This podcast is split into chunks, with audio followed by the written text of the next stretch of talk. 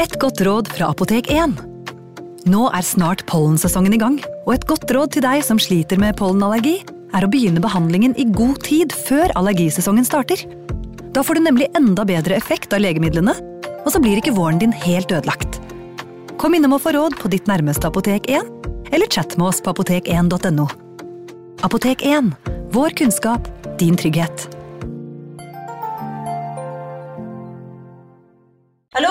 Jeg kommer fra Oslo politikammer. Ine Jansen er purk. Er du purk? The motherfucking bitch. Alt jeg vil, er å finne ut hva som skjedde med mannen min. Jon Carew. Er jeg sikta for noe? Iben Akeli. Det er du. Ole So, Lars Berrum og Big Daddy Karsten. Hvem sin side er du på, egentlig? Anette Hoff, Tone Danielsen, Kommer du fra Afrika? Jørnis Josef, Nesten. Kløfta. Trond Espen Seim, Det er synd å si det, men det var feil mann som døde. Purk. Premiere tirsdag på TV2 Play. Ungsamtalen fra DNB er økonomisk veiledning tilpasset deg som er ung. Bokk en ungsamtale på dnb.no. slash ung. Det er kjempebra hvis du skal inn på boligmarkedet, hvis det er drømmen din, liksom. Det er det du skulle sagt. Og så kunne du ropt litt mer, da, sånn som jeg gjorde. Bam! Advarsel. Denne podkasten inneholder skildringer av ekte drap og kriminalsaker som kan være støtende for enkelte. Det advares også mot sterke inntrykk i deler av episoden. Christy bråvåknet da hun hørte moren sin skrike. Hva var det som foregikk i overetasjen? Frykten som hadde omsluttet henne de siste to månedene, hadde endelig begynt å slippe taket, men nå kom den krypende tilbake. Et øyeblikk ble hun bare liggende i sengen og lytte. Hun stirret opp i taket, der skriket hadde kommet fra, og turte ikke å røre seg. Da hun hørte moren skrike for andre gang, var det som om instinktene hennes tok kontroll. Hun trakk dynen til side, dro på seg en T-skjorte og styrtet ut av soverommet. Da hun kom ut i gangen, kikket hun opp trappen til venstre for seg. Hun kunne ikke se noe, men hørte en lav, truende stemme. Samtidig kunne hun høre morens fortvilte bønn om å la dem være. På ren automatikk satte Christie fart opp trappen, to trinn av gangen. Da hun nådde toppen, bråstoppet hun. Rett fremfor seg kunne hun se moren med ryggen mot veggen. En mørkledd mann sto med ryggen til. I hånden hadde han en lang kjøkkenkniv som han pekte mot moren. Christy kunne se at moren hennes ga henne et blikk. Det var noe i øynene hennes som Christy ikke kunne forstå. Det var ikke frykt eller angst, mer som en bønn. Akkurat da la den mørkledde merke til at moren kikket mot trappen, og han snudde seg. Da Christy fikk se hvem det var, kunne hun ikke tro sine egne øyne. Det eneste hun fikk frem, var et høyt og vettskremt Å, herregud! Moren hennes forsøkte å ta tak i armen til mannen, men han ristet henne av seg og tok et steg mot Christy. Nok en gang sto hun ansikt til ansikt med Aksai Shand. To måneder tidligere var det han som hadde holdt henne som gissel og truet med å drepe henne. Nå var han tilbake, og han ville ta hevn. Velkommen til True Crime Poden.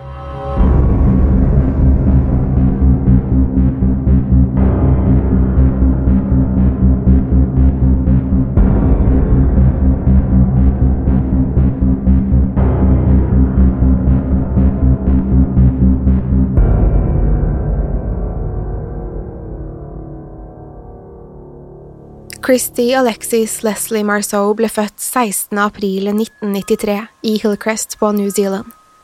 Foreldrene, Tracy og Brian, hadde allerede en datter fra før som het Heather, men de ønsket seg et barn til før familien var komplett. I hele seks år forsøkte de å unnfange et barn før det endelig skjedde. For foreldrene var Christy derfor et mirakelbarn, og hun var høyt elsket. Heather og Christy var veldig like å se på. Begge var vakre og slanke, med langt blondt hår og blå øyne. Likevel hadde de to vidt forskjellige personligheter. Mens Heather var rolig og alvorlig av seg, var Christie mer livlig og sprudlende. Til tross for forskjellene og aldersspriket var søstrene veldig glad i hverandre og hadde et nært forhold. Innen 2011 var den lille, tette familien spredt for alle vinder. Heather hadde flyttet hjemmefra for flere år siden, og faren Brian jobbet i Australia. Han kunne være borte flere uker av gangen, noe som Christy syntes var litt trist. Moren Tracy hadde planer om å flytte etter ektemannen før året var omme, og Christy ville gjerne bli med. Hun hadde fått plass på et universitet i Adelaide hvor faren jobbet. I mellomtiden studerte hun eventmanagement ved et universitet i Auckland der hun bodde sammen med moren. For å tjene litt ekstra penger hadde hun tatt seg jobb på et supermarked i byen hvor hun satt i kassen. Det var her hun hadde møtt en ung, usikker gutt som het Akshay Shand. Akshay hadde kommet til New Zealand fra Fiji sammen med familien sin da han var et lite barn. Her hadde han begynt på samme barneskole som Christy, men de hadde ikke møtt hverandre der. Akshay hadde vært en stille og innesluttet gutt som ikke så mange hadde lagt merke til. Etter kun noen år i New Zealand hadde familien flyttet til Wales, hvor faren hans hadde fått seg en jobb. Akshay likte seg godt i Storbritannia. Han viste seg å være veldig skoleflink og fikk gode karakterer.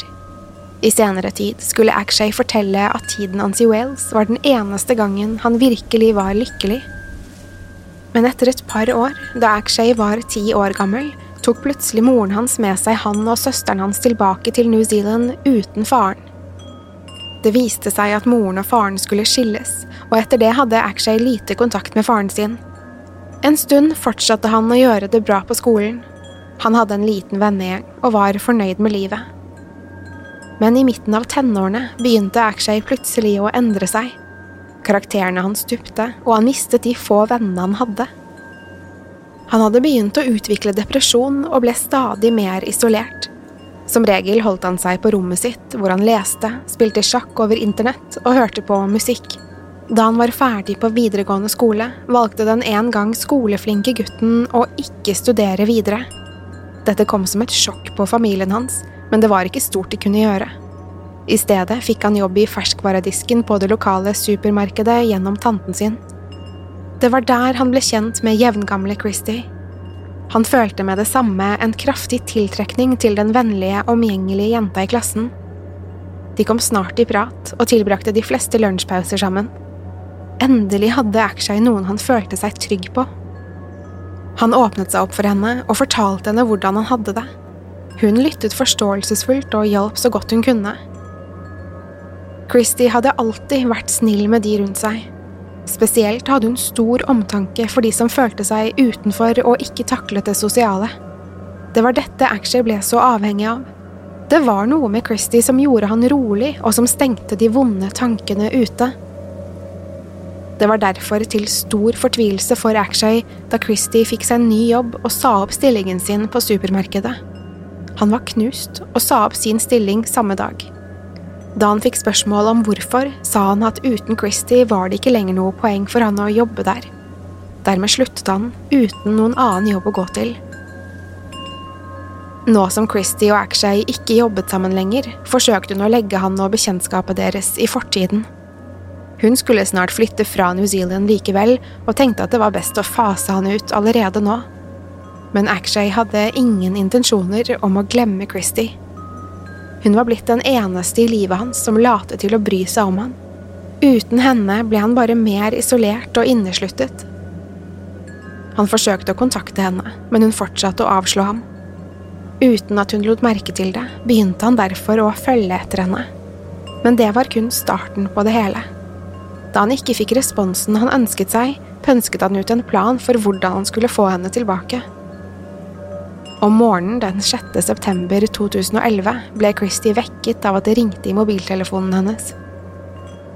Hun satte seg opp, litt fortumlet, og så seg om i rommet. Før hun rakk å innse hva som foregikk, sluttet telefonen å ringe. Hun strakk seg etter den, men akkurat da begynte den å ringe igjen. Christie løftet telefonen fra nattbordet og svarte uten å se hvem det var. I den andre enden kunne hun høre Akshays rolige stemme. Da hun spurte hva han ville, fattet han seg i korthet. Han sa at han kom til å ta sitt eget liv med en overdose piller om hun ikke var hos ham i løpet av ti minutter. Så la han på. Christie forsto straks at dette var alvor. Hun hadde ikke snakket med Akshay på en stund, men hun visste godt at han slet med depresjon. Derfor kastet hun seg ut av sengen og kledde på seg i en fei. Så grep hun mobiltelefonen og bilnøklene og spurtet ut av huset. Det var ikke mer enn en knapp kilometer å kjøre, så Christie var på plass utenfor Akshays families leilighet etter et par minutter. Hun fortet seg bort til døren og ringte på. Døren åpnet seg nesten umiddelbart. Der sto Akshay og inviterte henne inn. Hun lurte på hvordan det gikk, men han svarte ikke, kun viste henne inn. Så låste han døren bak henne. De gikk inn i stuen og satte seg i hver sin stol. Akshay var alene hjemme fordi moren hans var på jobb og søsteren var på skolen. Så snart hun hadde satt seg, spurte Christie hvor pillene var. Da bare fnøs Akshay og sa at de hadde han gjemt slik at hun ikke skulle finne dem. Så begynte Akshay å snakke. Han fortalte om hvor forrådt han følte seg, og at han mente Christie hadde forlatt ham når han trengte det som mest. Christie unnskyldte seg og sa hun hadde hatt så mye å gjøre med studiene i det siste, men Akshay ville ikke høre på Christies unnskyldninger. Han visste godt at hun ikke hadde vært opptatt, han hadde nemlig fulgt med på henne. Nå begynte Christie å bli bekymret. Hun kunne ikke skjønne hvor Akshay ville med dette. Hun ba ham oppsøke profesjonell hjelp, men dette bare avslo han. Han ville ikke ha noen psykolog til å hjelpe seg, han ville kun ha henne. Før Christie rakk å svare, hadde Akshay reist seg fra stolen sin og trukket en stor kjøkkenkniv fra baklommen. Så pekte han den mot Christie og sa at han kom til å drepe henne om hun skrek. Christie forsto endelig hva hun hadde vandret rett inn i, og begynte å gråte. Så fortalte Akshay at han hadde tre mål for dagen. Det første var å skremme henne sanseløs. Det andre var å ta hevn for at hun hadde forlatt ham. Til slutt ville han ta sitt eget liv. Christy satt med mobiltelefonen mellom hendene og vurderte et øyeblikk å forsøke å ringe etter hjelp i all hemmelighet men før hun rakk å tenke mer over det, hadde Akshay lagt merke til det og ba om å få telefonen. Hun ga den fra seg. Nå var hun helt avskåret fra omverdenen. Deretter ba Akshay henne om å ta av seg genseren. Hun gjorde som han sa, og han sjekket i alle lommene. Da han ikke kunne finne noe, snudde han seg til Christie igjen. Så beordret han henne til å kle av seg toppen. Først nektet hun, men da han truet henne med kniven, gjorde hun som hun fikk beskjed om. Akshay ba henne vrenge lommene på buksen sin, og det gjorde hun. Men da han sa at hun skulle ta av seg buksene, nektet hun igjen. Nok en gang hevet Akshay kniven, og Christie hadde ikke noe annet valg enn å lystre. Nå sto hun kun i undertøyet foran Akshay. Mens hun sto slik, begynte Akshay å snakke igjen. I over 30 minutter snakket han om farene ved kapitalisme og religion, mens han beskyldte henne for å ikke være der for ham. Da han virket ferdigsnakket, var det et øyeblikks stillhet før Christie spurte om han hadde tenkt til å drepe henne. Akshay så på henne en stund, før han minnet henne på at han hadde tre mål. Han hadde bare ikke sagt hvordan han hadde tenkt til å hevne seg på henne. Da han avslørte det, begynte Christie å gråte enda høyere. Akshay hadde ikke tenkt til å drepe henne, men han skulle forgripe seg på henne. En stund ble han kun sittende og se på Christie som gråt foran seg. Så, plutselig, var det som om han ombestemte seg. Han stirret på henne og sa at hun kunne dra. Først var Christie skeptisk til denne plutselige endringen. Hun var sikker på at han kom til å angripe henne så snart hun snudde ryggen til, men da han la fra seg kniven og ga henne klærne tilbake, kledde hun på seg og rygget ut av leiligheten. Før hun forsvant, forsikret Akshay seg om at hun var klar over at han kom til å begå selvmord så snart hun dro. Hun forsøkte å snakke ham fra det, men det var nytteløst. Derfor spurtet hun ut av døren.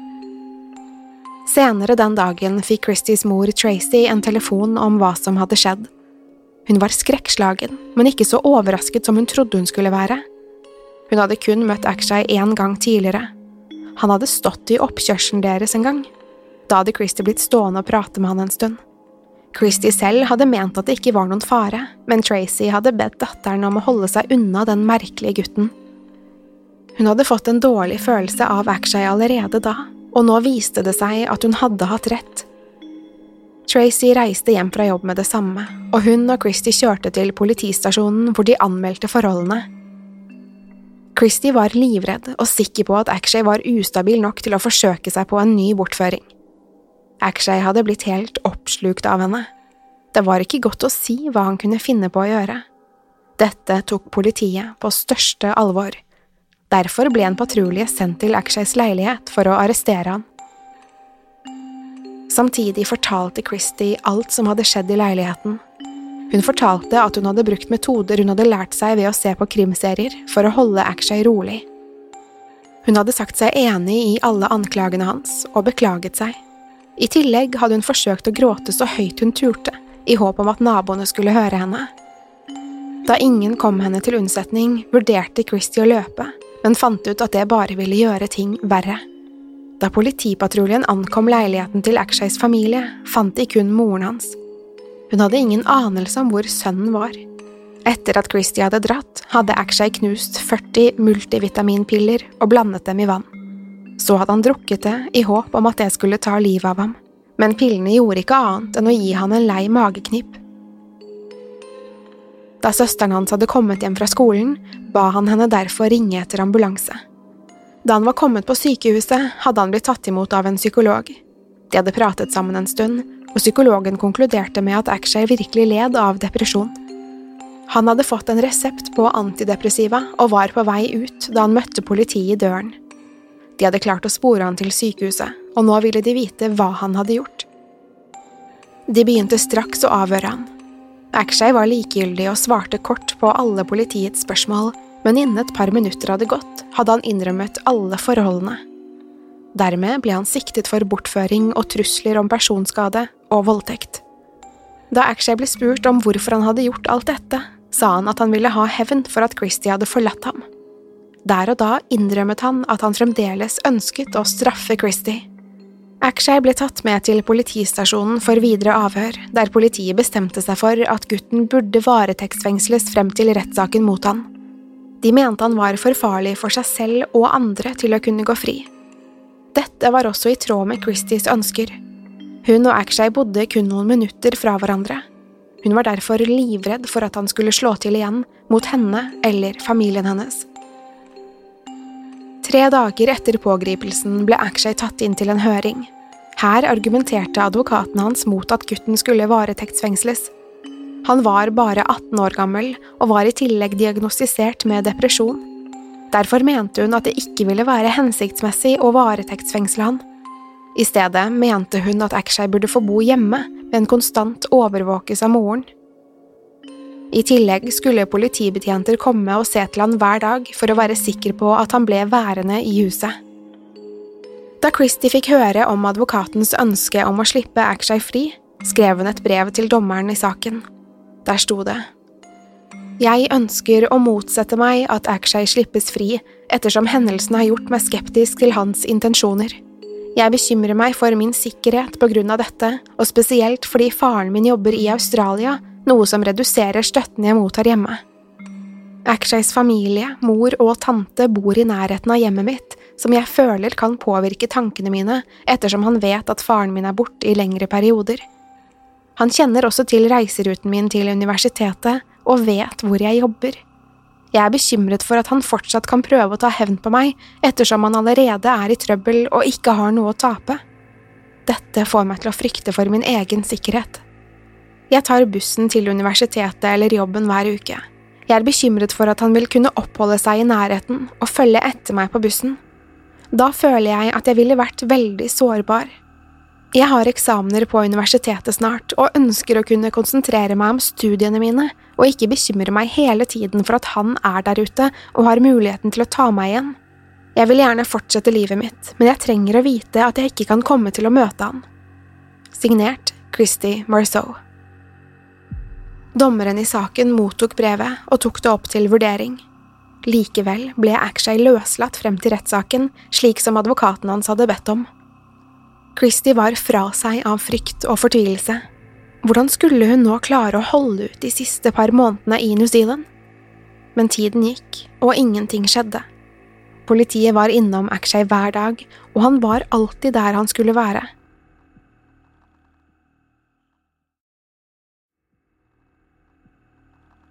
To måneder etter bortføringen hadde det fremdeles ikke skjedd noe. Christie hadde ikke møtt på Akshay, og alle tiltakene virket til å fungere. Likevel hadde Christie blitt tungt preget av hendelsen. Hun turte ikke lenger være alene i huset eller ute i gatene og var alltid skeptisk til å gå utenfor hjemmet. 7. november 2011 var en vanlig dag. Christies mor, Tracy, hadde stått opp tidlig fordi hun skulle på jobb. Hun hadde allerede gjort alt hun skulle gjøre før hun dro. Det eneste hun måtte, var å vekke Christy.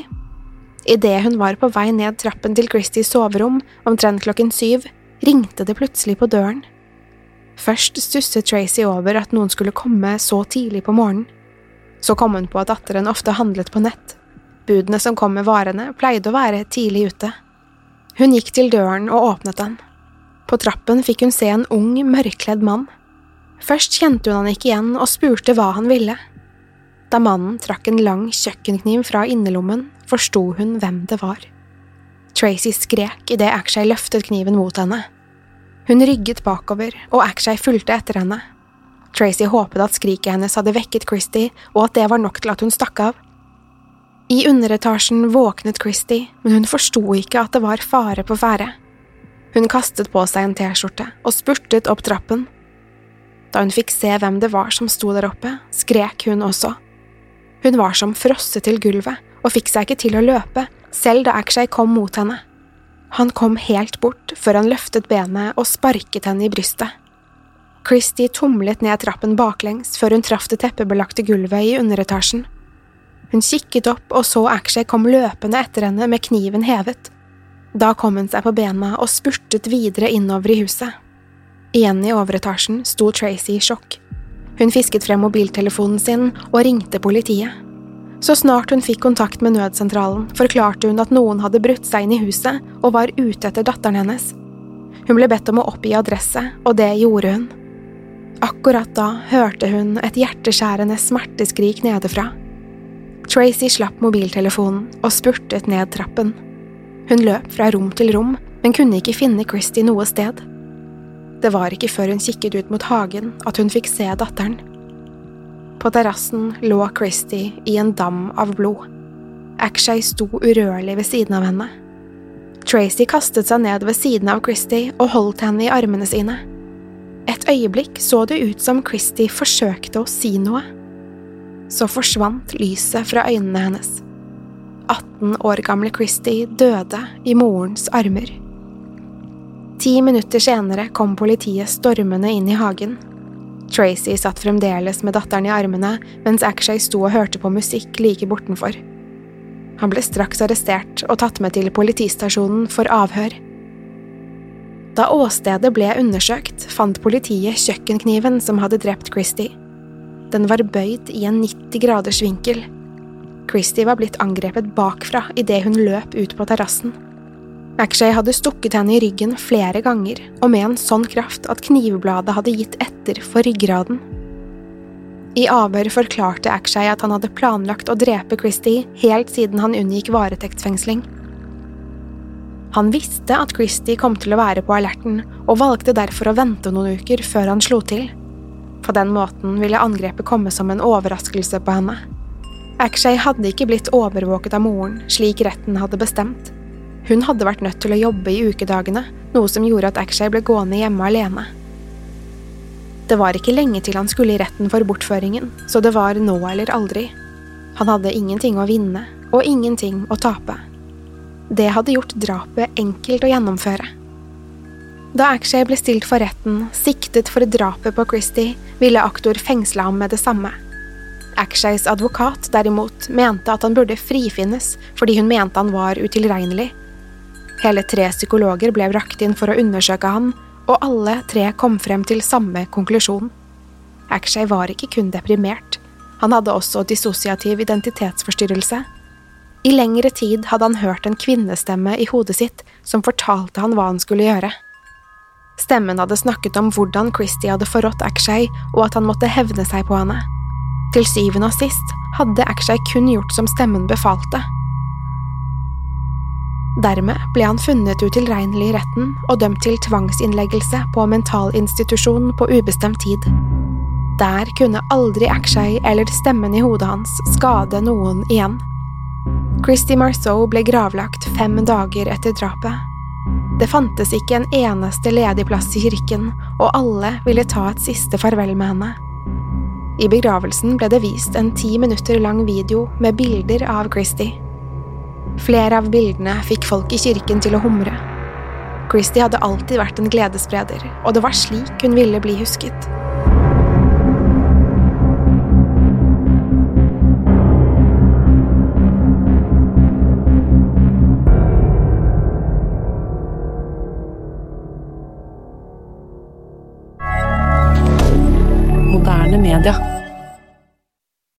Har du et enkeltpersonforetak eller en liten bedrift?